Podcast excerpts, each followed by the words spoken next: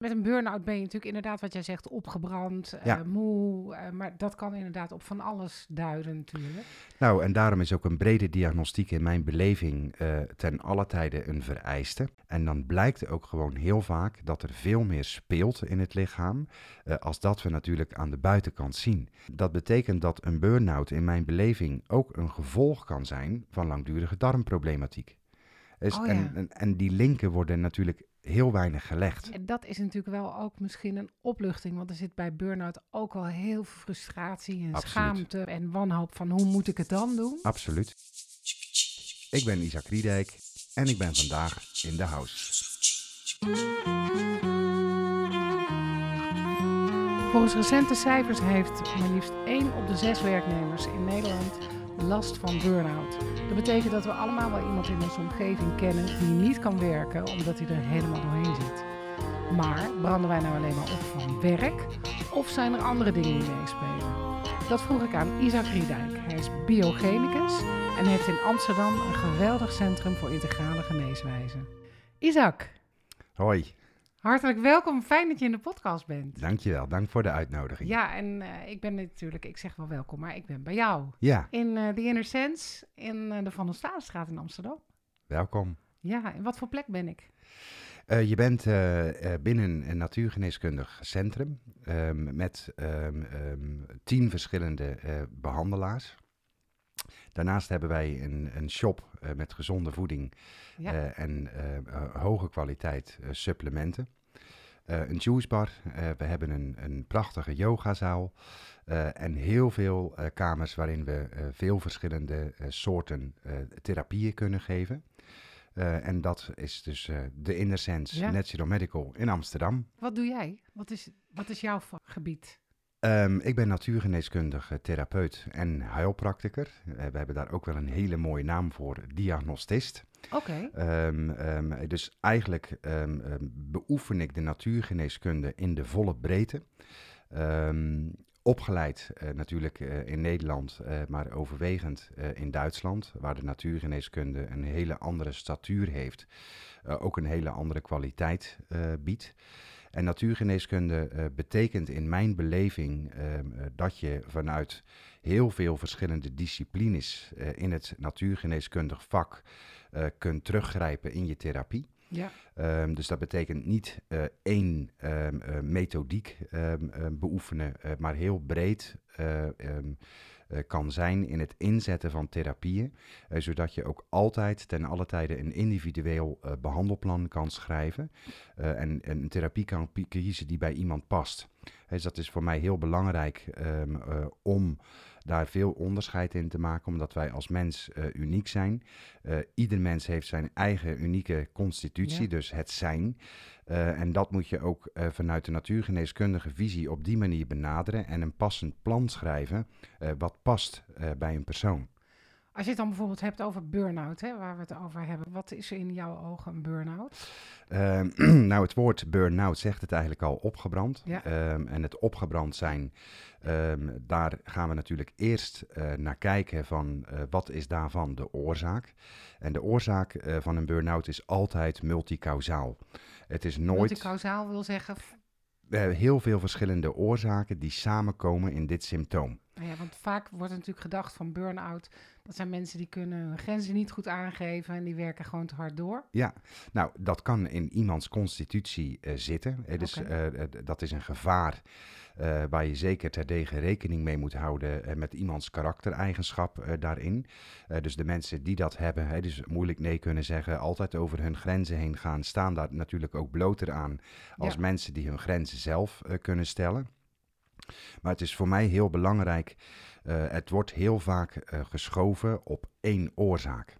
Ja. En eh, dat kan eh, druk zijn in een relatie, dat kan werkdruk zijn. Maar in mijn beleving ehm, eh, zijn dit soort oorzaken ehm, de druppel die dus de emmer over doet lopen. En is er veel meer aan de hand binnen de biochemie van het lichaam die uiteindelijk zorgt voor het ontsporen van de biochemie. En dan benoem je dat als een burn-out. Ehm, dus je moet ook, en daarom hebben wij dit centrum uh, hier ook uh, met heel veel liefde en uh, voor het vak neergezet, Mhm. vanuit verschillende invalshoeken gaan bekijken. Hey, waarbij in eerste instantie voor mij altijd de diagnostiek voorop staat. Kan je, kan je uitleggen eigenlijk wat je bedoelt met biochemie? De biochemie zijn alle processen die in het lichaam plaatsvinden en op een autonome manier. Dus het lichaam um, regisseert zichzelf. Um, ik noem bijvoorbeeld een hartslag, Ja. die is autonoom. Ja. dus daar hebben wij als mens geen invloed op. Er zijn wel heel veel factoren die van invloed daarop zijn, maar we kunnen het in de directe zin van het woord niet beïnvloeden. Er dus uh, dat zijn biochemische processen en Ja. je moet het lichaam zien als een geoliede machine. Uh, en uh, als daar dus ergens in die machine een probleem voordoet, dan uitzicht dat eigenlijk in nagenoeg alle biochemische processen van het lichaam. Ja. Ik benoem het tegen de klanten wel eens als een radarnetwerk, uh, wat naadloos in elkaar moet grijpen. Ja. Uh, en wij zijn als mens um, bewust en onbewust bezig om in dat radarnetwerk zand te gooien. Er is uh, Ja, ja, ja. lifestyle, verkeerde voeding, te veel stress, dat niet nee kunnen zeggen. Nou, dat gaat knarsen. Ja. Dus dat is heel simpel en op den duur. Uh, als we niet ingrijpen, uh, dan lopen die raderen vast. Mhm. Is, en uh, daarbij zijn heel veel symptomen die al vroegtijdig eigenlijk zich openbaren, uh, waar mensen ook weer heel vaak overheen leven. Is en op dat moment. Zoals bijvoorbeeld? nou, bijvoorbeeld een, een, um, uh, een, een vermoeidheid uh, die uh, heel vaak latent aanwezig is, waar mensen niet naar luisteren, dus hun lifestyle niet naar aanpassen. Er is uh, rust, ruimte en regelmaat in Ja, hun ja, ja. leven brengen. En dat gaat dan steeds verder zich uitwerken in dus die autonome processen van het lichaam. Ja. En dus met uiteindelijk um, dat het lichaam zichzelf gaat beschermen. En dan belandt het lichaam in een burn-out, in een opgebrand zijn. Maar ik zie dus een burn-out als een beschermingsmechanisme van het lichaam, omdat wij als mens heel vaak niet luisteren naar symptomatiek. Is- Dus, dus dat je bedoelt van, nou, dat lichaam, dat voelt al lang van, hé, dit gaat te ver. Ja. Eh, ik, steek de, ik trek de stekker eruit. Ja, en dat kunnen de, de kleinste sym- symptomen zijn. Ehm, eh, verstoring in het spijsverteringskanaal. eh, mensen die heel vaak hoofdpijn hebben. mensen die te vaak of te jong al heel moe zijn. ehm, daar overheen leven. En altijd maar doorgaan, dat is natuurlijk ook de druk van de maatschappij die, Ja. die op ons afkomt. Ehm, maar als het lichaam ehm, eh, zichzelf in gevaar ziet komen, dan schakelt het ook heel veel eh, biochemische, dus die autonome processen eh, Ja. uit of op een lager pitje. Ehm, en dan krijgen we natuurlijk steeds meer symptomatiek. Ehm, en dan is het ook op het, mom- het moment om in te grijpen in die processen om dat weer op de rails te krijgen. Hoe stel jij da- dan eigenlijk de diagnose als het uit zoveel aspecten bestaat? Binnen de Chinese geneeskunde zit dat zeg maar, nou ja, afhankelijk van hoe je werkt, maar in één model. Bijvoorbeeld die, die elementen die elkaar beïnvloeden. Dat lijkt dan voor mij wat overzichtelijker. Maar hoe Ja. werkt dat bij jou? Ehm, wij maken gebruik van eh, ook zeker eh, de traditioneel ja, Chinese ja. elementen. Dus maar ook de invloeden natuurlijk vanuit de homeopathie, de isopathie, vanuit de oligotherapie. Dat is een heel groot onderdeel altijd van mijn behandelplannen. Ehm, dus vanuit verschillende... sorry hoor, wat is isotherapie en wat is Eh, is- oligotherapie? eh, isopathie ehm, ehm, eh, zijn eh, is supplementen eigenlijk die gemaakt worden van schimmels. Oké, dus dat zijn echt levende culturen die daarvoor gebruikt worden. Het is een, een oude Duits eh, traditioneel eh, eh, instrument om dus die biochemische processen te kunnen beïnvloeden. Heel krachtig. Heel jammer dat dat in Nederland zo onbekend is, want voor mij betekent het inzetten van isopathische middelen heel vaak een doorbraak Oh, in de therapie. Eh, omdat we daarmee in sta heel sterk in staat zijn om eh, die processen te beïnvloeden. Er is, maar dat geldt ook voor de oligotherapie. Er is, dat geldt ook voor de homeopathie. en Dus wat is oligotherapie? eh, oligotherapie is mineraaltherapie. Oké, Er is, en in 1900 heeft professor Menetrier al uitgevonden dat alle ehm, eh, biochemische activiteit in het lichaam tot stand komt onder invloed van enzymen. Ja. Dus enzymen zijn stoffen die een verandering eh, kunnen bewerkstelligen in het lichaam. ja, de werkstoffen ook in je spijsvertering. Ja, bijvoorbeeld. Er is maar eh, eh, ieder ieder biochemisch proces gaat gepaard met een enzymatische omzetting. Er is het lichaam ehm, ehm, kan niet anders functioneren als met enzymen. Er is maar 95% van onze enzymen heeft een mineraal element nodig. En minerale elementen, die moeten wij vanuit onze voeding halen.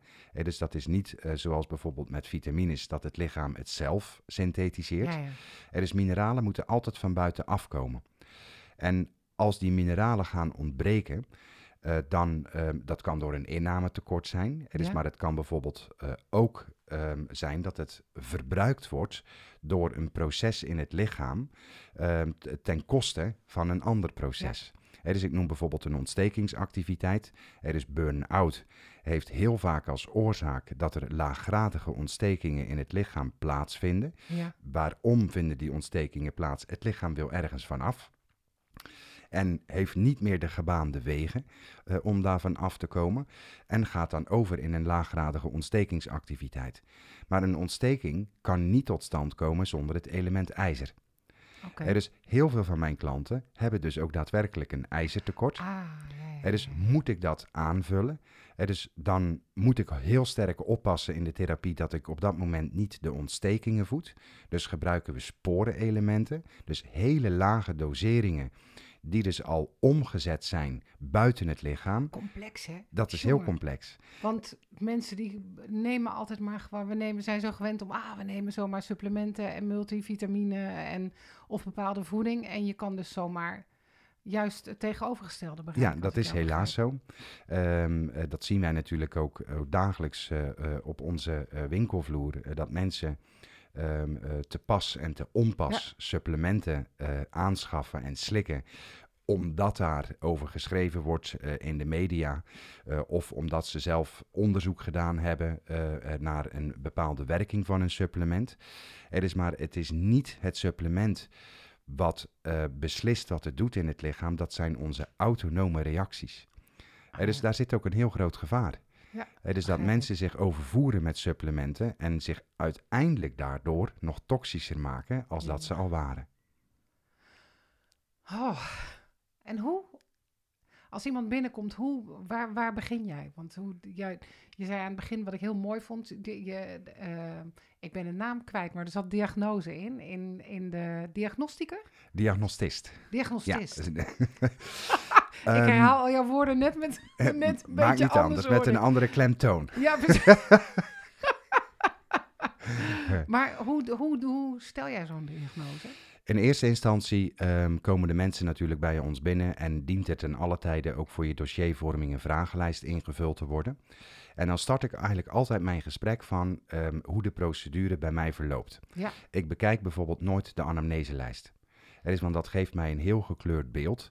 Eh, en wat de mensen. eh, is de anamneselijst iets wat iemand van, zelf- van tevoren al zelf heeft ingevuld? ja, die ja, krijgen ze van tevoren. eh, krijgen Maar ze ze een, komen en dan kijk jij daar nog niet naar? Nee. Oké, Er is uiteindelijk, eh, als je tegenover me zou zitten eh, als klant, dan weet ik niets van je. Dat Ah, is alleen je wil er naam. blanco in? Ik wil er blanco Oké, in. mooi.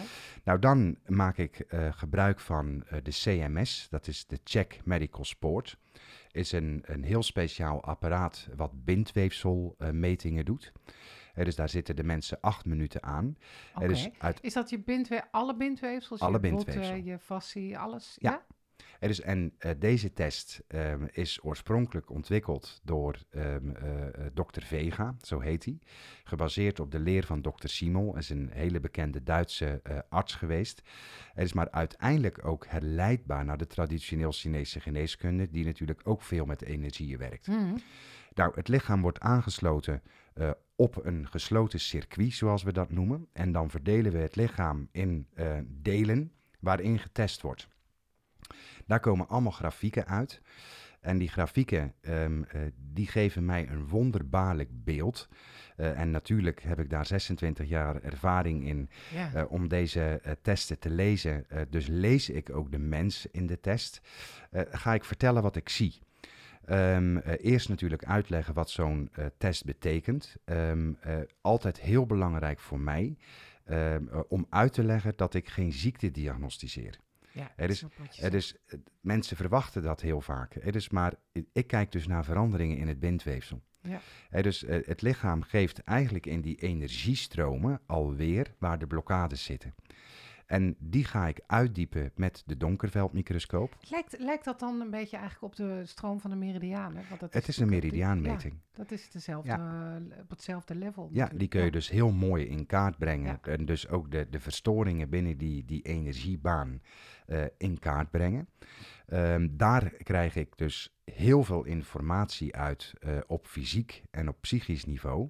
En dat ga je natuurlijk bespreken met, met de klant. Eh, en dan moet er een resonantie ontstaan. Ja. Er is en Dus heel dat zij zich herkennen in wat jij zegt. Ik herken wat je zegt. En dat is vaak heel mooi. ook een openbaring voor de mensen. Ehm, eh, zoals dat ook bij jou gaat. Heel vaak komen de mensen bij ons zijn regulier ehm, eh, onderzocht. Ja. Waarbij eigenlijk niets gevonden wordt. En dat is het mooie van die Check Medical Sport.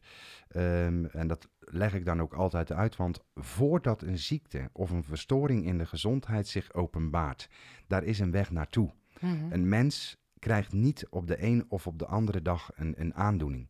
Nee. Natuurlijk zijn er genetische factoren waarbij dat wel eh, zo kan zijn. Maar in de meeste gevallen bouwt een, eh, een verstoring van onze gezondheid zich op.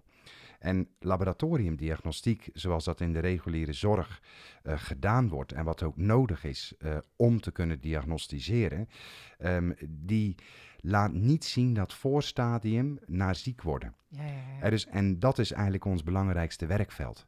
Ja. Er is dat we, eh, voordat een, een, een ziekte zich openbaart, dat eigenlijk al van tevoren in die bindweefselverandering hebben kunnen zien. Ja.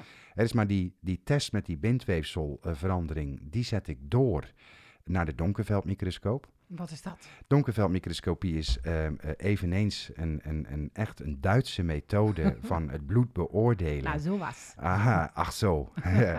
Eh, om op een, eh, een hele mooie manier, ehm, zoals dokter Enderlein dat ontwikkeld heeft, dat is ook een hele bekende Duitse hematoloog, die heeft zijn leven besteed aan het bestuderen van bloedbeelden en heeft eigenlijk, net als dokter Siemel dat zag in dat bindweefsel, gezien dat alvorens die ziekte zich openbaart, dat er een verandering plaatsvindt in het bloedbeeld.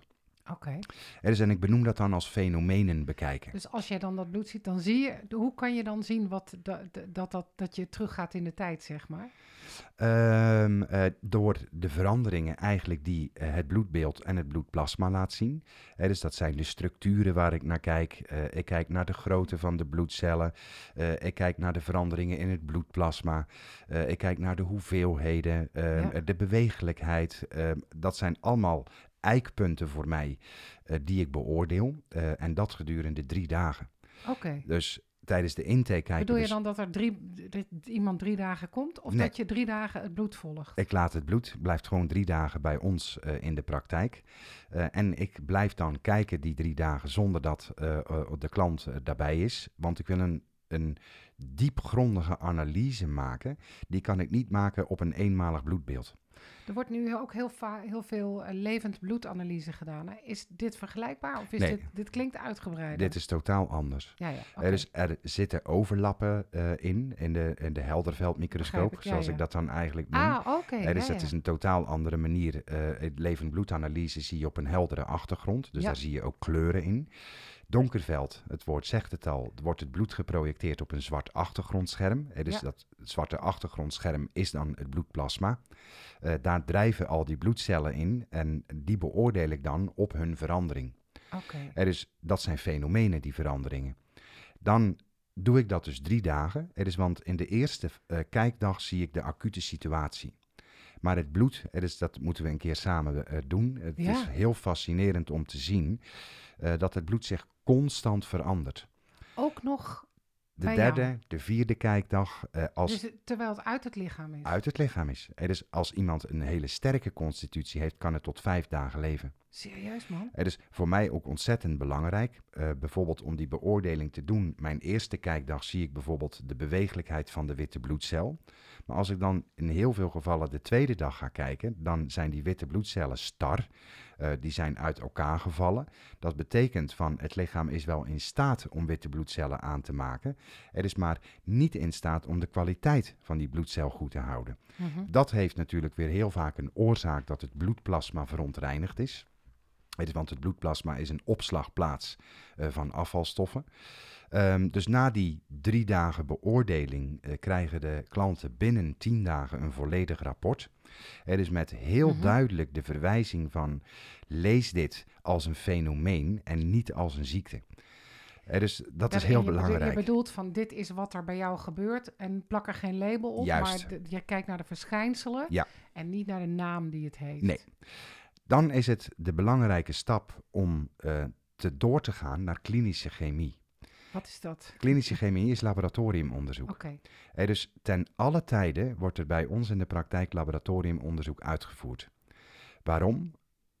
Het bloed bepalen en de check medical sport, dat zijn dus de veranderingen in het bindweefsel en in het bloed, dat is voor mij kwalitatief. Ja. Maar bloedonderzoek of een ontlastingsonderzoek waarbij tellingen of kweken plaatsvinden, is de kwantiteit beoordelen. En kwantiteit en kwaliteit horen bij mij ten alle tijden bij elkaar. Wil ik een sluitende diagnose stellen. Mm -hmm. En wat in ons vak natuurlijk ook belangrijk is en onze verantwoordelijkheid. We moeten altijd oppassen uh, dat we niet op de stoel van de reguliere zorg gaan zitten. Dat betekent dus dat als ik heel veel fenomenen zie in die microscoop en in de check medical sport. Ja. En ik ook daadwerkelijk al klinisch, dus in het bloedonderzoek bijvoorbeeld, afwijkingen zie. Dat ik dan altijd een afweging moet maken. Is dit een, een, uh, iemand die ik door moet sturen naar de reguliere zorg? Ja. Of kan ik nog in het natuurgeneeskundig traject mijn werk doen? Ik geef bijvoorbeeld een, een voorbeeld. Um, um, wij zien ook natuurlijk in de microscoop ook uh, uh, veranderingen um, die in kunnen houden uh, dat er ernstige ziektes onder zitten. Er is, en ja, ja. dat is dan natuurlijk wel ook mijn verantwoordelijkheid om mensen ook daadwerkelijk in de reguliere zorg te laten Zoals onderzoeken. Kanker. dat kan kanker zijn, er is, maar dat kan ook bijvoorbeeld een hepatitis zijn. Ja. Er is een Ja, ja. ontsteking van de lever of een pancreatitis, een ontsteking van de alvleesklier. Het is heel belangrijk om dat sluitstuk te hebben, om dus dat samen te voegen, die kwaliteit en die kwantiteit. Dus we hebben het nog steeds eigenlijk over iemand komt binnen bij een burn met een burn-out bij Ja. jou en dan wordt er zo uitgebreid gekeken. Ja.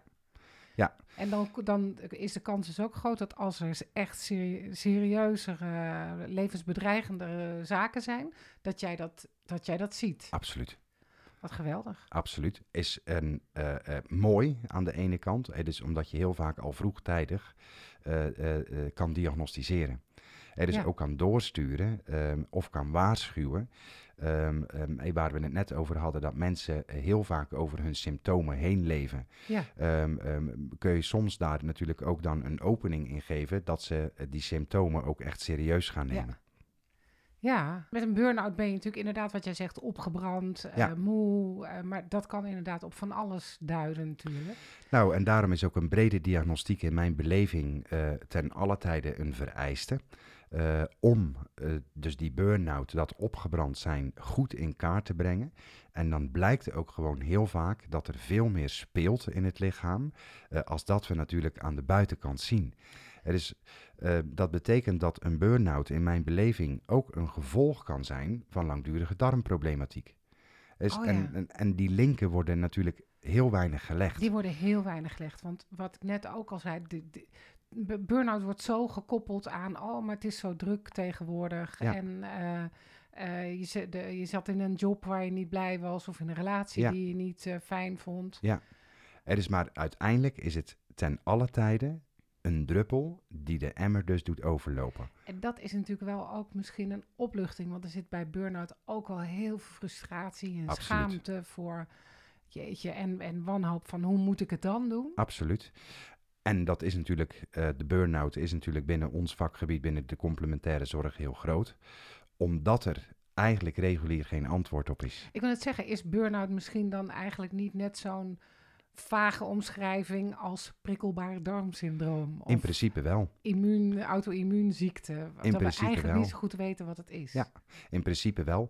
Ik ben ervan overtuigd eh, dat het een mitochondriële aandoening is. Het is dat onze energiecentrales In de cellen. ehm, eh, in de cellen eh, niet genoeg gevoed worden ehm, eh, door verschillende omstandigheden. Het is dat is de, de, de, de- jij zegt een burn-out, dat, is, dat, dat bedoel je toch? Ja. Ja. Dus een burn-out kan twee kanten op gaan. Dus het is heel vaak dus de combinatie van factoren. Dus maar ik kijk heel sterk naar het mitochondriale deel. Dus mitochondriën zijn energiecentrales in onze cellen... eh, die uiteindelijk voor zorgen dat wij al die processen uit kunnen blijven voeren. En zie jij dat dan met die donkerveld? Dat zie ik bij de, met de donkerveld, maar uiteraard eh, diagnosticeer ik door, eh, door middel van hooggespecialiseerd laboratoriumonderzoek, om ook het klinisch bewijs neer te leggen. Hè, dus dat vind ik ook een opdracht eh, van mijn kant als behandelaar, om niet in het luchtledige te praten, maar ook daadwerkelijk een diagnose die je ziet in eh, de, de check medical sport en in de donkerveld, eh, op een klinische manier Ja. te bewijzen Gewoon van alle kanten. van alle kanten ook weer dat gevaar. Hè, er komen hier heel veel mensen binnen ehm, ehm, die dusdanig in hun burn-out zitten, dat ik eigenlijk de reguliere zorg nodig heb Ja. eh, om drie tot zes maanden eh, specifieke medicatie voor te schrijven, eh, waardoor ik in staat word gesteld om mijn werk te doen. Ja, ik snap je. Hè, dus eh, vandaar ook die, die, die, die, die, die liefdeverhouding toch naar de reguliere Ja. zorg. eh, omdat we ehm, heel vaak in de complementaire zorg ook met onze rug tegen de muur staan. Mhm. Dus, en dan soms wat eh, paardenmiddelen nodig hebben. Ja, Om om, dat Om systeem- even op adem te komen. Juist. En, ja. Hè, dus het andere deel van die burn-out zit natuurlijk in onze bijnieren. Ja. Hè, dus liever bestempel ik ook een burn-out als een bijnierinsufficiëntie. Ja. dus, want eh, dat gaat ten alle tijden gepaard eh, met een, een, een niet optimaal functionerende bijnier. Dus kom ik in het hormoonsysteem. Dus het zit in mijn beleving ten alle tijden eh, in de hormonen. Ja. Dus in hormonen die balanceren ons lichaam. Aan de andere kant een verlies aan energiecentrales. Maar die twee hebben ook weer oorzaken. Dus ten alle tijden blijf ik mezelf in de diagnose de vraag afstellen waarom. Ja, Waarom gebeurt dit? Dus is dit genetica? ja. Is iemand geboren met een verminderd aantal mitochondriën, met een, een niet optimaal functionerende bijnier? ja. Dat kennen we. Eh, maar aan de andere kant eh, bepaalt uiteindelijk onze lifestyle of zo'n ehm, genetische zwakte zich uit ja of nee. Precies. Er is altijd naar die twee factoren kijken, mitochondriën en naar de bijnier. Er is maar dan nog een keer de vraag afstellen, waarom is dit gebeurd? Nou, en dan in de meeste gevallen, ehm, het is ook heel bijzonder eigenlijk, toevallig vertelde ik het vandaag nog tegen een klant, van er zijn niet zoveel oorzaken om ziek te worden als mens.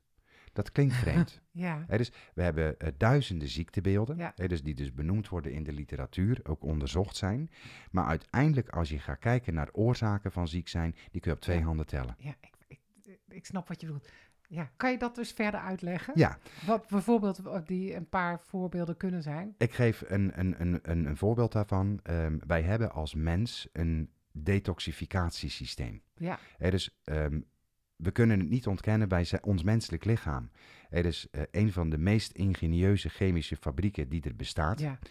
Eh, die produceert heel veel afvalstoffen. Mhm. Dus ik geef altijd maar een voorbeeld. Alles wat wij aan voeding binnenkrijgen is lichaamsvreemd. Ja, Moet door ons lichaam verbrand worden of omgezet worden Ja. door die enzymen die ik ook net benoemde. ja, Maar in zo'n proces ontstaat ten alle tijde toxiciteit, afvalstoffen. Nou, daar hebben wij onze eh, darmfunctie voor. zoals hebben de, zoals de benzine en dat er uit gassen komen. Ja, Juist, hè, dat, dat geef ik ook heel vaak als voorbeeld. ja, Hè, dus maar als je in een, in een, een uitlaatpijp van een auto een, een, een sok stopt, bij wijze Ja. van spreken, is die motor binnen vijf minuten, stopt hij ermee. ja, En ons lichaam gaat door. Dat betekent dus dat wij ten alle tijde kunnen compenseren. Er is, ik vertel ook heel vaak van het is niet de, oud, de sterkste mens die het oudst wordt, maar de mens die het beste kan compenseren. ja. Er is, en zodra wij als mens compensatievermogen verliezen, Het is grappig, ze zeggen ook vaak, het is niet survival of the fittest, Ja. maar de survival of the fitting. ja, zo is het. Ja. Er is maar één van de redenen dat wij als mens verouderen, is dus een hoge mate van afvalstoffenproductie in ons lichaam zelf. Ja. Er is, en dan benoem ik ook die energiecentrales, hoog toxisch. Er is wat er aan afvalstoffen geproduceerd wordt. Als er een virale, bacteriële eh, infectie speelt, dan produceert het immuunsysteem ongelooflijk veel toxines Mhm. om te elimineren, om van zo'n infectie af te komen. ja, Allerbelangrijkste is dat die afvalstoffen in het bloedplasma terechtkomen, moeten Ja. door ons lymfesysteem afgevoerd worden naar de lever. Mhm. De leverstofwisseling beslist of het een in water oplosbare toxine is of in vet oplosbaar. Ja. Dus heb ik Ja. nier en gal. Ja. Het is maar als wij als mens een constante overload hebben aan afvalstoffen. Op een gegeven moment is de capaciteit van onze detoxificatiesystemen bereikt. Waar zouden, waar, waarom zouden we een overload kunnen krijgen aan? Wat, wat, zijn, wat zijn aspecten waardoor we zo'n overload kunnen krijgen? En aan, we komen als mens, of we nu willen of niet, iedere dag met 70.000 toxische stoffen in aanraking. Oké. Vanuit de biochemie van ons lichaam Ja, en vanuit ons omgevingsmilieu. Er is, ik benoem kleding. ja. En zodra wij kleding kopen, eh, die dus nieuw in onze kast hangt en we trekken het aan, zit vol met toxines. zoals?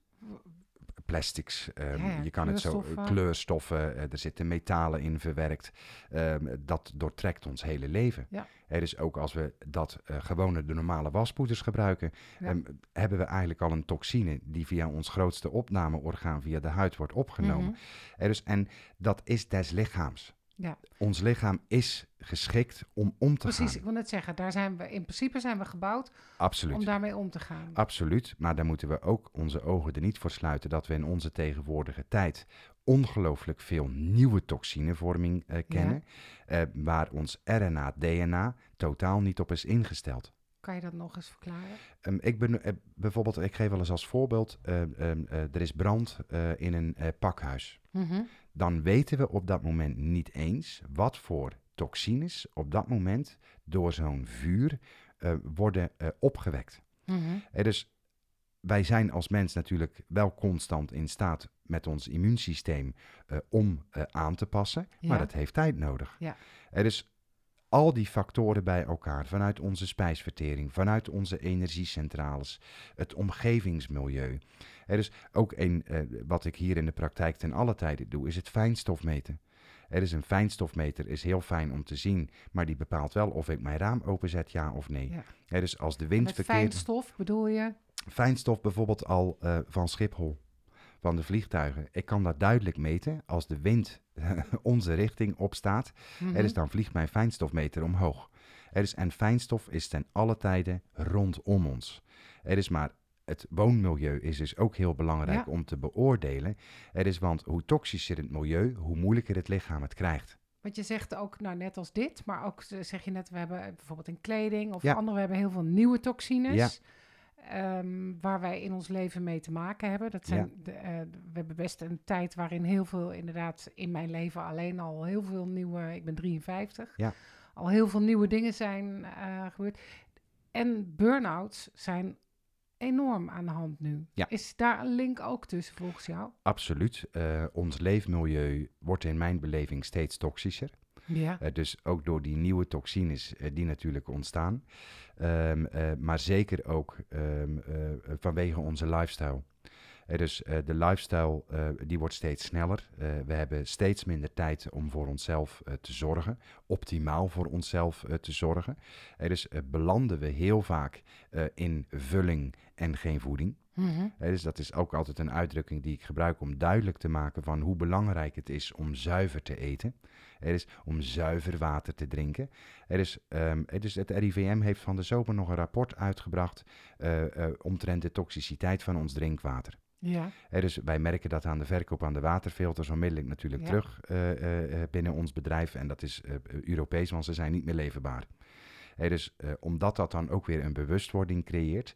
Hè, dus die toxines die zijn in, op en om ons. Je zei net dat wij kunnen dat wel eh, verwerken, maar dat heeft tijd nodig. Ja. Bedoel je daarmee ook dan dat wij eh, eigenlijk als, als soort meer tijd nodig zouden hebben om daaraan te wennen? Absoluut, Als in evolutie? absoluut.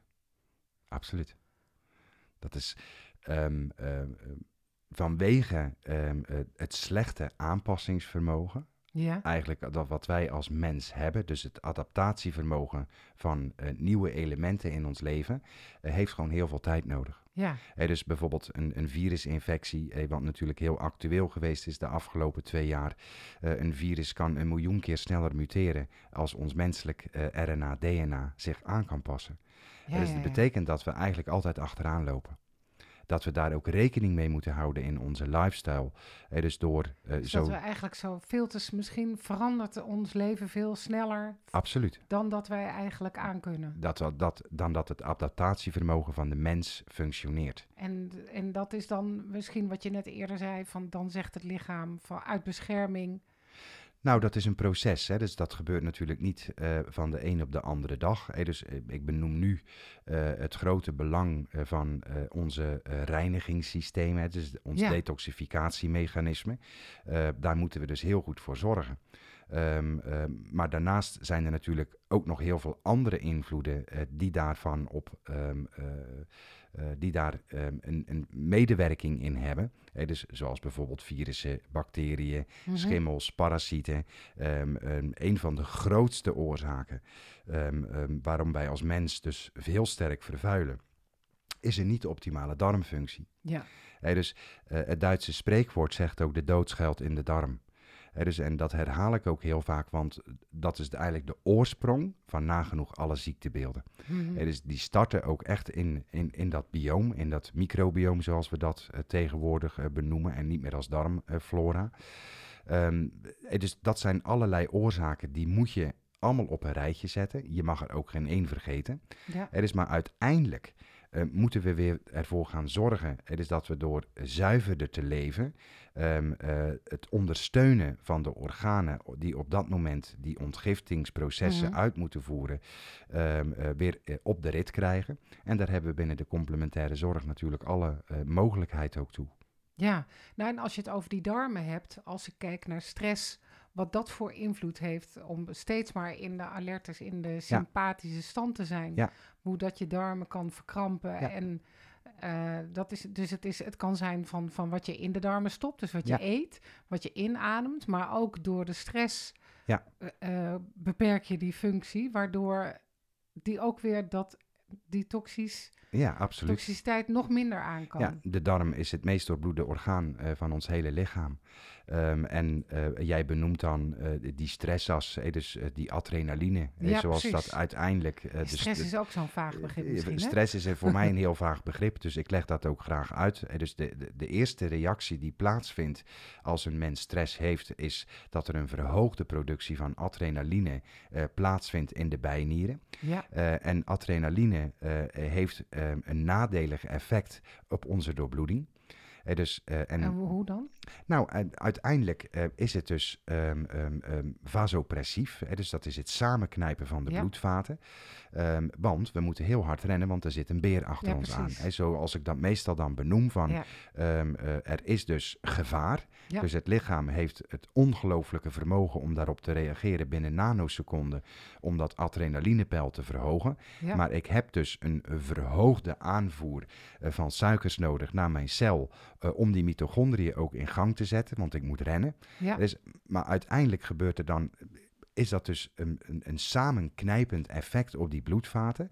Er is, en het, de orga, alle nagenoeg alle organen worden daardoor getroffen. Ja. Dus die krijgen op dat moment ook minder zuurstof. Dus het is dan ook logisch eh, dat het lichaam de, de functies van alle organen bij langdurige stresssituaties afschaalt. Ja. Er is uit zelfbescherming. Er is, want uiteindelijk is dat eh, wat stress op de lange termijn veroorzaakt, dat de beschermingsmechanismes van ons lichaam geactiveerd worden, dat onze stofwisseling in, eigenlijk in een downscale Ja. komt, eh, om te kunnen blijven functioneren. ja, dat klopt. Oh, en dan? En dan?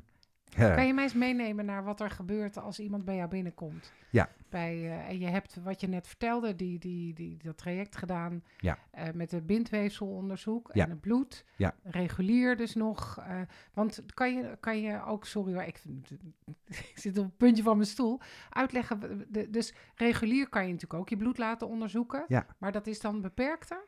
Dat is veel beperkter Ja. eh, en dat is natuurlijk ook logisch. Ja. Ehm, eh, eh, kijk, onderzoeken is een enorme kostenpost. Ja. Ehm, dus laten we wel stellen dat ehm, eh, we natuurlijk in, binnen de reguliere zorg daar ook paal en perk aan moeten stellen. Eh, in eh, de onderzoeken. Alleen ehm, vind ik eh, dat er te algemeen wordt onderzocht. Ja. Er is, het is altijd een algemeen bloedonderzoek. Er is, dat noem je dan een kleine bloeddifferentiatie die gemaakt wordt, waarbij gekeken wordt naar, naar de rode bloedcellen, naar de witte bloedcellen, en naar wat lever- en nierfuncties. en dan is het daarmee klaar. Ja, Er is, en uiteindelijk wordt er daarmee een diagnose gesteld of er iets klinisch afwijkt, ja of nee. Ja. Maar dat is heel kort door de bocht. Er is, Ja. want dan mis ik op dat moment dat mitochondriale deel. Ja. Wordt geen onderzoek nagedaan. Dan mis ik op dat moment eh, onderzoek naar die bijnierfunctie. ja, En wij hebben natuurlijk ook in Nederland te maken met eerste, tweede en derde lijnszorg. Hè, dus een, eh, de huisarts in principe die constateert en die Ja. bepaalt op dat moment ook, moet ik doorsturen eh, naar de tweede lijnszorg. Hè, dus in de tweede lijnszorg gaat natuurlijk weer uitgebreider eh, te werk als de eerste lijnszorg. wij hebben dat natuurlijk niet. Wij werken met onafhankelijke laboratoria's eh, toplaboratoria's in heel Europa. Ehm, eh, en er is ongelooflijk veel mogelijk in die biochemie, ja, eh, maar gaat altijd wel gepaard met geld. ja, Eh, dus dat is ook een belangrijk punt. Ehm, dus je moet doen ehm, wat noodzakelijk is. Daarom doe ik altijd in de donkerveldmicroscopie en in de check medical sport eerst mijn vooronderzoek, zodat ik zeker weet als ik dus hooggespecialiseerd laboratoriumonderzoek aanvraag, dat dat ook hout snijdt ja, dat dat ook daadwerkelijk, ehm, eh, dat daar iets uitkomt. Ja. En dus en daar heb ik ook een 90% score in. Ja, ik snap je. En dan komt iemand, dus eh, nou, de- dan heb je al die onderzoeken gedaan. En Ja. dan? Kan je een praktijkvoorbeeld bijvoorbeeld eh, beschrijven van Ehm, iemand die in eh, zo'n nou, traject zit hier? In de algemeenheid kan ik dat natuurlijk wel. Dus ehm, wij werken ten alle tijden volgens de Circle of Wellbeing. Oké, wat dat is is- dat? Eh, nou, de, de, de eh, heeft dus eh, vier pijlers. Het Ja. is mijn werk uiteindelijk. Dat noemen we de Circle of Wellbeing. En die Circle of Wellbeing die dient ook in alle behandelplannen terug te komen. Dat is ten alle tijde in eerste instantie de diagnostiek. Mhm. Dus het in kaart brengen van waar een, een, een gezondheidsprobleem vandaan komt. Gebaseerd op al die onderzoeken die we doen, en dat is echt veel, Mhm. ehm, ehm, eh, om zo uitgebreid mogelijk dus alle oorzaken te ondervangen en ook klinisch te bewijzen. Dan ga je natuurlijk nadenken van eh, individueel, ehm, wat ga ik nu doen in mijn therapie? En de therapie betekent dan voor mij dat dat eh, een suppletieplan is. Hè, dus ik ga de biochemie van het lichaam beïnvloeden Ja, met hoogspecifieke supplementen.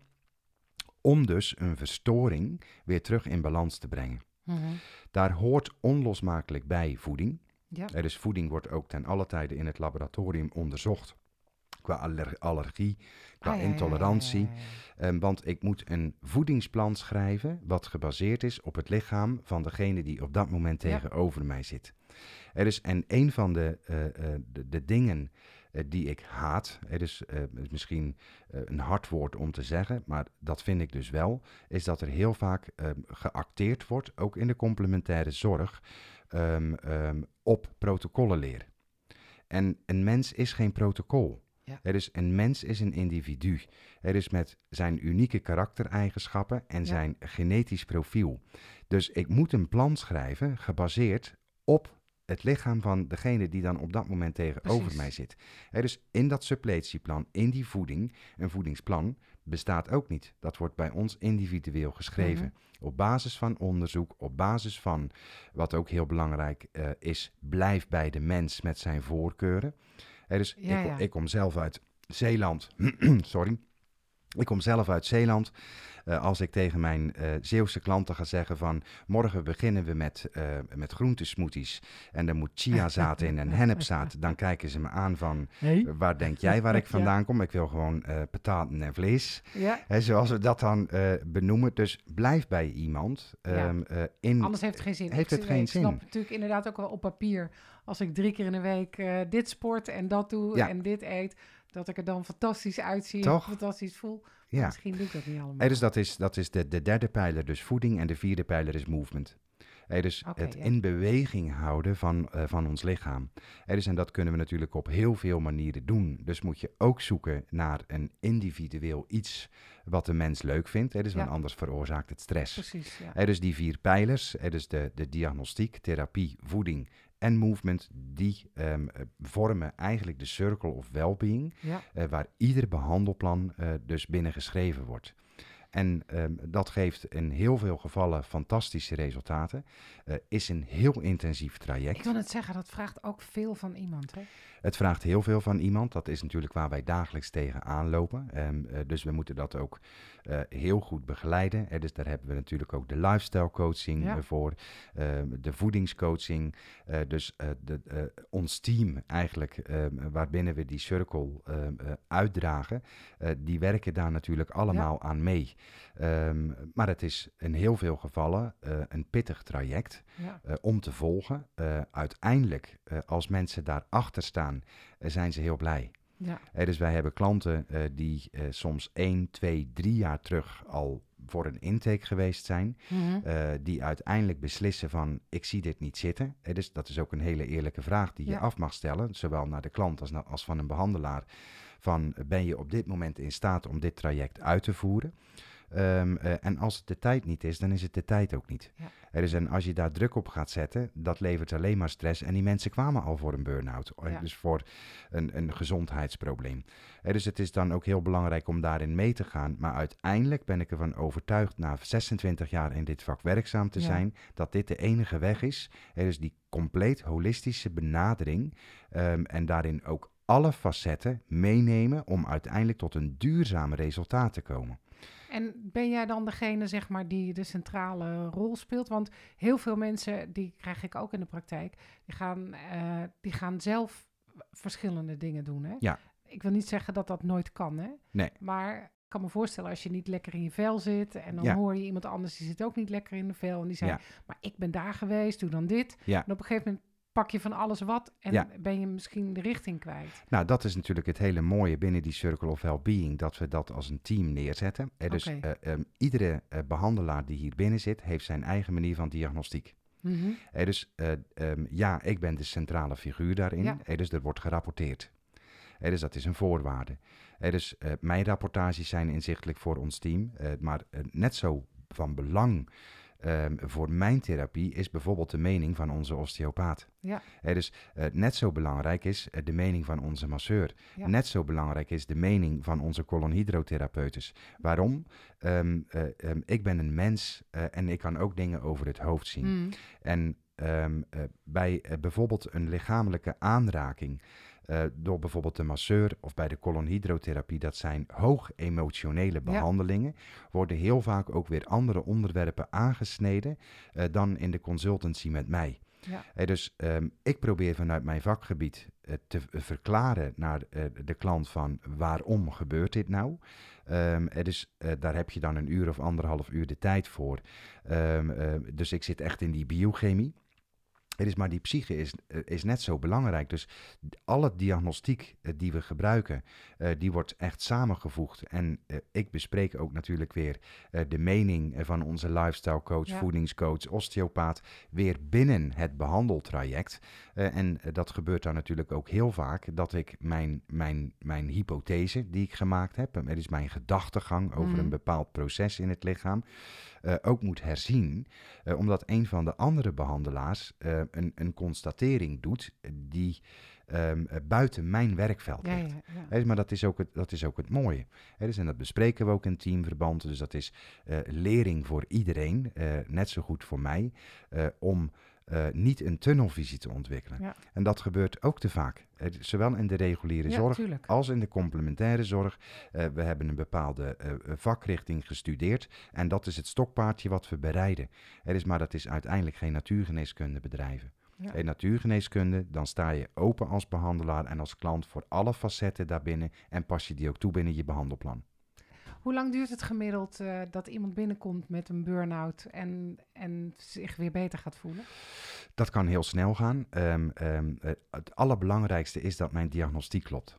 Eh, dus ehm, Ja, ja. eh, ik be- benoem het wel eens van als ik de angel er niet uit weet te halen, blijft een probleem in de gezondheid bestaan. Ja. Hey, dus hoe dieper ik kan diagnosticeren, hoe meer informatie ik kan verzamelen, hoe specifieker mijn behandelplan is, hoe sneller een resultaat neergezet kan worden. Mhm.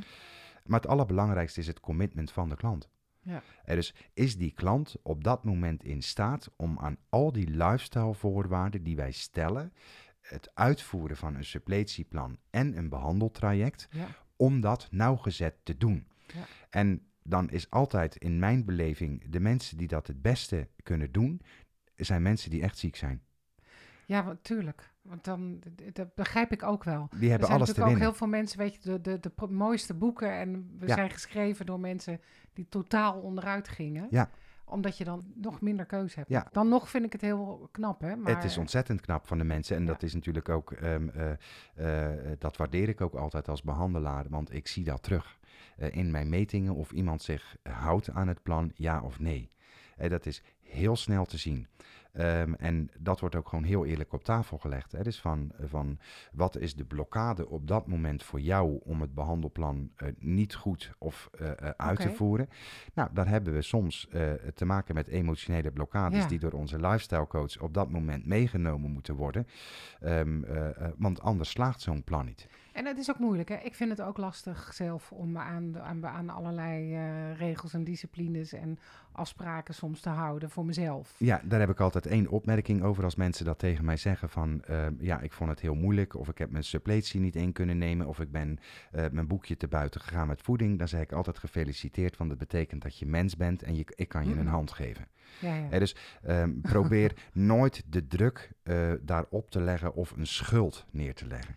Nee, dus, zodat iemand nog eh, wel durft toe te geven. Doet er, eh, eh, ja. Dat heeft geen zin. En, en we moeten als mens gewoon alle invloeden vanuit de maatschappij daarin meenemen. We zijn mens. dus ehm, hoe is dat ook alweer? Hoe zeggen we dat ook alweer? Eh, ehm, eh, de geest is zwak en het vlees is gewillig. Ja, ja. Dat is een hele mooie uitspraak die ik dan ook heel, Ja. heel vaak zeg van accepteer dat. Ja, ehm, eh, je mag als mens in mijn beleving op alle gebieden struikelen, als je Mhm. maar weer gaat staan. Ja, ben ik met je eens. Toch? Hey, nog, wat ik nog heel graag een, eh, een, eh, waar ik nieuwsgierig ben hoe jij dat uitlegt. We hadden het net nog heel even over en daarom heb ik het opgeschreven. Laaggradige ontstekingen. Ja. Intussen zijn dat ook wel termen die best wel veel. eh, Ja, steeds meer, iedereen van gelukkig. heeft gehoord. Ja. Maar wat is het? Een laaggradige ontsteking is een ontsteking die ehm, eh, klinisch niet meetbaar is. Eh, dus we hebben natuurlijk binnen eh, de laboratoriumdiagnostiek heel veel verschillende parameters. Ja, want is dan, bedoel je dan daarmee een ontsteking? Net als stel, je hebt je gestoten of iets gebroken, dan is je weefsel wat beschadigd en dan Ja. krijg je ontstekingsreactie. Ja. Zoals vocht, een zwelling, pijn, temperatuur gaat omhoog. Is dat wat ermee bedoeld wordt? Dat is een acute ontsteking. Dat is een acute Er is ontsteking. een acute ontsteking die wordt door het lichaam geïnitieerd om op dat moment een reparatie uit te voeren. Precies. Er is maar ehm, een, een, een laaggradige inflammatie, die bestaat altijd. Dus eh, als mens ontsteken we iedere dag. Dus, want het is een, een, een immunologisch antwoord op een beschadiging. Dus dat is heel simpel. Wij moeten als mens gewoon ontsteken om beschadigingen uit te kunnen voeren. Mhm. Dus om reparaties uit te kunnen voeren. Laaggradige ontstekingsactiviteit betekent dat die ontsteking er 24 uur per dag, 7 dagen in de week is, zonder symptoom. Dus die, die uitzicht niet met een zwelling eh, Nee, of, of met, met, met Nee. vochtophoping. Eh, nee, die is dus met name in onze weefsels ten Ja. alle tijden aanwezig. Dus ehm, ehm, laaggradige ontstekingsactiviteit kan door heel veel verschillende oorzaken ontstaan. Dus heel vaak is het dus een, een, een detoxificatieproblematiek. Hè? Dus, ja. dus die afvalstoffen die zich bijvoorbeeld ophopen in het bindweefsel eh, en zich bijvoorbeeld eh, uiten in een cellulitis. In cellulitis. Ah, Er wordt heel vaak gezegd van, ja, ik heb cellulitis. Ja, Ja. maar dan zeg ik altijd, ja, maar dat is een laaggradige ontsteking. Ja, dus je lichaam moet 24 uur per dag, 7 dagen in de week heel hard werken om die ontstekingsactiviteit in dat bindweefsel onder controle te houden. en is het dus dan dat er eigenlijk altijd net een beetje te veel toxische belasting is? In de meeste gevallen wel. Er is, want alleen al die laaggradige ontsteking produceert een ongelooflijke hoeveelheid aan toxines. Ah, Dat kan niet anders. En dat kost ook weer energie. Dat kost het lichaam heel veel energie. Er is maar, we moeten ook eh, heel goed e- weer die twee begrippen benoemen, die mitochondriën, dus Ja. die energiecentrales. en aan de andere kant die bijnieren. Hè, dus die, die, die hormonen die dus de balans moeten houden. En dat is met name op de, onze laaggradige ontstekingsactiviteit het corticosteroïd. Dus, en het cortisol. Ja. Dus dat zijn onze twee belangrijkste eh, immuunregulerende eh, hormonen. Ja. En dat zie je heel vaak, eh, dat die op een gegeven moment uitgeput raken. Ja. Als die uitgeput raken, is een van de eerste verschijnselen die je ziet, is een, een hoger cholesterol.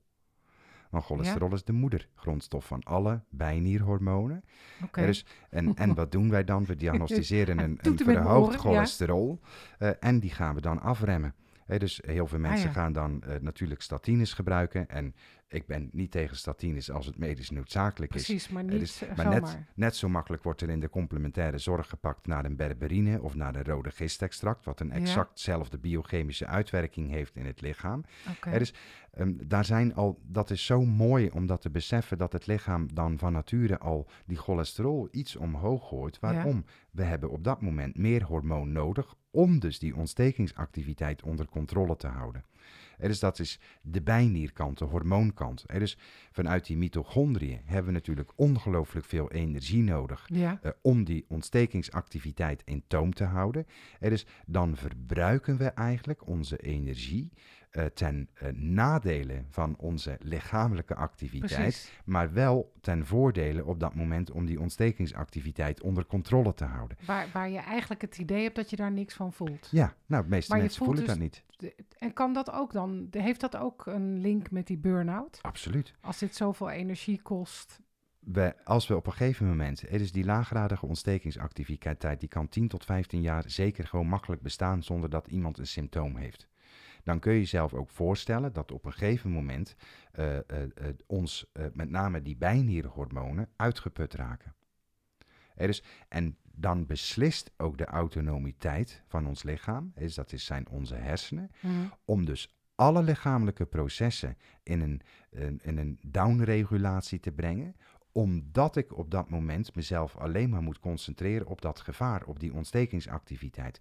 Er is natuurlijk put je op dat moment de natuurlijke bronnen uit. Ja. Er is, en als een mens dan niet luistert, kom ik daar weer op, van het Ja. negeren van symptomen. Er is toch altijd, oh, die, die zere arm. Ja, toch Ik wil het zeggen. Wat, zijn, wat zijn eigenlijk dan symptomen, zodat je kan, al in een vroeg stadium kan eh, ontdekken van... mm, het gaat op deze manier waar ik bezig ben, dat, dat is niet handig. Een, een tenniselleboog, een frozen shoulder, ehm, een, een, een, een, een, een meniscus die ontsteekt. Het- dat is allemaal laaggradige inflammatie. Mhm. Is, omdat het heel vaak langdurig blijft bestaan. Ehm, eh, daar moet op ingegrepen worden. Alleen is dat natuurlijk heel erg moeilijk. Ja. Er is, want dan moet je op dat moment gaan diagnosticeren. Het openbaart zich heel vaak niet, bijvoorbeeld in een MRI-scan of een echografie. Eh, dus is dat heel moeilijk in kaart te brengen. Begrijp ik dan dat je zegt dat bijvoorbeeld bij een tennis, tennis, een, tennis, een tenniselleboog, dat daar ook al een veel, daar zit, daar zit al een, een voortraject, gaat daaraan eh, Absoluut. vooraf. Absoluut. Er is, het is met name die op, opeenhoping van afvalstoffen die uiteindelijk die laaggradige ontsteking veroorzaakt. En je kan, ik geef altijd het voorbeeld, eh, als mens ehm, produceren wij dus die toxische stoffen. Als op een gegeven moment de capaciteit van onze ontgiftingsorganen gaat falen, dan gaan we dus die toxines opslaan in het bloedplasma. Ja, Maar het bloedplasma wil dat ook niet. nee, Dus die gaat transporteren, met Ja. name naar spieren, banden, pezen, gewrichten. precies, ja. Er is, en dan zie je heel vaak dat mensen natuurlijk met pijntjes rondlopen, met een zwelling. Er wordt een fotootje gemaakt, Ja. een MRI, een bloedbeeld Ja, en we gemaakt. kijken dan alleen maar naar dat gewricht dat gewricht. naar dat deel. Het is maar, het is heel vaak een opeenhoping van afvalstoffen in de depots, zoals ik dat dan ja. noem. Het is, want het lichaam is dan ook weer zo ongelooflijk ingenieus door die toxines zo ver mogelijk bij onze hersenen en het hart weg te houden. Er is maar op dat moment, ehm, als die toxische belasting dus in bijvoorbeeld een gewricht zich heeft vastgezet, eh, dan wil het lichaam daar ook van die toxines af. En heeft het alleen nog maar de mogelijkheid om dat via ontstekingsactiviteit af te voeren. Ja. Dus ontstekingsactiviteit betekent een hoge aanvoer van witte bloedcellen, betekent dat dat lichaam wil repareren. Er is maar heel vaak door de chronische overload die is ontstaan, ja, is het lichaam gewoon niet in staat om eh, dat eh, voor 100% te elimineren. Er is heel vaak wel vanuit een acuut fase eh, terug te brengen naar een latente fase, Ja. maar dat is een laaggradige ontsteking die er altijd is. Dus je kan eigenlijk wel misschien dan zeggen, als iemand last heeft van dit soort, wat heel veel mensen natuurlijk hebben, een frozen shoulder, en Ja. nou ja, al de, hè, of klachten in de nek of wat dan Ja. ook, van eigenlijk ben ik al over mijn tax. Kost het lichaam ongelooflijk veel energie. Het is om het stabiel te houden. En Ja. aan de andere kant is er een, een enorme behoefte op dat moment aan ontstekingsregulerende hormonen. Eh, dus ehm, ja, dat is een, een voorstadium eigenlijk al van een burn-out. Er is Ja. daarmee bedoel ik te zeggen, we hebben nu al de darm benoemd, we hebben onze Ja. detoxorganen benoemd, we hebben lifestyle benoemd. Ehm, ehm, ehm, dat zijn alle factoren die je dus in kaart moet brengen. Wil je dus uiteindelijk die burn-out succesvol behandelen? Ja. Waanzinnig dat je dat zo ook zo in die, op, die, op dit niveau al in die biochemie en in dat bloed al zo, van, zo kan zien. Vroeg kan zien. Jongen, jongen. Dat is onver- heel fascinerend. Wat zijn, wat, heb jij een aantal tips voor mensen? Wat kunnen we dan thuis doen We kunnen het als mens om, dit, om te ongelooflijk veel voorkomen doen. dat het uit de, uit de hand loopt? Ja. Ehm, eh, en in eerste instantie ehm, eh, is natuurlijk al rustruimte regelmaat. Ja, ja. Dus, eh, dat is Ja. heel ouderwets om te zeggen. Ehm, eh, dus maar eh, als mens belasten we ons zo bewust heel vaak te veel. ja. Ehm, eh, dus zit het ook in de hele simpele dingen. Hey, dus eet zuiver. Ja. Laat dat junkfood staan. Ehm, eh, drink voldoende water. Ehm, eh, gun je lichaam eh, Hoeveel be- water moet je drinken op een dag? Nou, ik, ik, ik hanteer het altijd eh 0,35 milliliter per kilo lichaamsgewicht. Dus ik relateer het aan een gewicht. Hè, dus, Ja. Want heel veel mensen zeggen natuurlijk van ja, anderhalf tot twee liter water. dat is genoeg. Nee, dat is een protocol. Ja, ja. En we haten protocollen. Ja. Eh, dus relateer het op dat moment ook aan de constitutie van je, van je klant, hè, van, van Ja. de mens die tegenover je zit. Eh, dus eh, een, een man van 100 kilo, die heeft een hogere behoefte aan water als dat een, een, een, een, een hertje van eh 40, 45 Ja. kilo tegenover me zit. ja, ja. Eh, dus dat is ook individueel denken. ja. Eh, dus, ik kan, degene die 100 kilo weegt, die heeft misschien wel 3, 3,5 liter per dag Ja. nodig.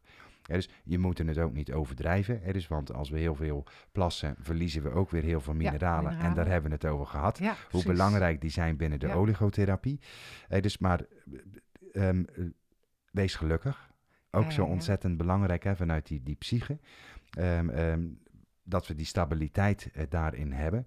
Ehm, er, is maar, er zijn hele simpele ehm, eh, lifestyle trucs eh, voor. En uiteindelijk waar het altijd op neerkomt, is leven in eenvoud. Hmm. dat is zo moeilijk, hè? Dat is ook moeilijk. Ja. Dat is Ja, ook moeilijk. Er is maar, ga terug naar een basic lifestyle. Hey, en, wat, en, wat als je het al te ver is? Als je al voelt van, nou, ik, ik zit thuis met een burn-out. Of Ja. ik- wat, wat, wat, wat zou je dan, wat kan je dan doen? in eerste instantie diagnosticeren waar het vandaan komt. Het is eh, weer, het is, en ik probeer dat er ook altijd eh, in te hameren van eh, kijk verder dan dat de neus lang is. Het is omdat je als je niet goed diagnosticeert hele belangrijke oorzaak kan laten zitten. Er is bijvoorbeeld in die lifestyle, als ik de psyche zou laten zitten in mijn behandelplannen, eh, dan mislukt 60, 70 procent. Ja. Moet ik dus meenemen. Is, ehm, het- als iemand al eh, in zo'n eh, burn-out thuis is, ehm, dan wil ik ook meegeven aan die mensen die dat hebben, ons lichaam is regenereerbaar. ja, ja, eh, hoe, maar hoe dieper ik diagnosticeert en als het ware de angel blootleg, hoe beter iemand gaat reageren op een individuele therapie. Er is, en uiteindelijk gaat het ook over dat commitment wat we al besproken Ja. hebben, het uitvoeren van. Er is, ik zeg wel eens gekscherend, van ik maak geen fouten in de diagnostiek niet en in de opzet van je behandelplan niet. en ze gaan de mensen natuurlijk lachen. ja. Er is, eh, maar eigenlijk is het wel zo. Er is als je dus die diagnostiek hebt liggen, en je kan daar een therapeutisch instrument tegenover zetten, eh, wat daar een verandering in kan brengen, dan zie je fenomenale resultaten. Dus, en eh, daar mag je dan op dat moment ook die mensen mee complementeren, want Ja. zij doen het. Ja. Ja, en eh, er is ongelooflijk veel mogelijk ehm, eh, binnen burn-out. Als je het goed weet te diagnosticeren, als je al die facetten goed in kaart brengt en meeneemt in die circle of well-being, dus Ja. in dat behandelplan, Ja. dus, en ook alle elementen daarin eh, meeneem, dan is er op alle fronten een enorme vooruitgang ehm, eh, eh, meetbaar en zichtbaar. Ja. Maar waar ik altijd voor waarschuw, het is een dun vernisje. Eenmaal een burn-out gehad, is een beschadiging in, eh, in onze hersenstructuren en in die bijnier. Ja. Er is, dan is het ook van heel groot belang dat je als nabehandeld traject ook die mensen bij de hand blijft nemen. Dat je zorgvuldig blijft. Zorgvuldig ja. blijft. Zeg ik ook meestal van, kom ieder half jaar gewoon terug. Ja. Doe regelmatig eh, eh, die detoxkuren, eh, Ja. die we zo mooi ook individueel in kunnen stellen. Dus laat het niet meer zo ver komen. Ja. Er is maar ook heel vaak, Ja, precies. Ze gaan niet van oké, hey, we, zitten, we, Nee. we zijn weer goed bezig. We gaan weer terug in het oude regime. nou dat is natuurlijk wat er heel vaak gebeurt. ja, dat kan en dat is jammer. Er is maar dat is toch een stuk coaching en bewustwording van hoe je met je gezondheid, met dat kostbare wat wij gekregen hebben, eh, om daarmee om te gaan. Mooi. Waar kunnen mensen jou vinden? Eh, mensen kunnen ons vinden natuurlijk via onze eh, web website uh, www.deindersense.nl. Ja, Ehm, ze kunnen ons vinden aan de Van Ostadestraat Ja. 234 Ah ja, A plus. B in Amsterdam. ja. Instagram, Facebook, eh, ja, op, eigenlijk op alle manieren zijn wij wel vindbaar. Kunnen mensen gewoon bij jou naar, naar jullie mailen en dan een afspraak maken? Ja. Oké. Ja. Ja, absoluut. Super, dankjewel. Graag gedaan. Heel boeiend en heel leerzaam. Nogmaals dank voor de uitnodiging. Ik vond Ja, het heel leuk om te doen. Ik ook, dank je.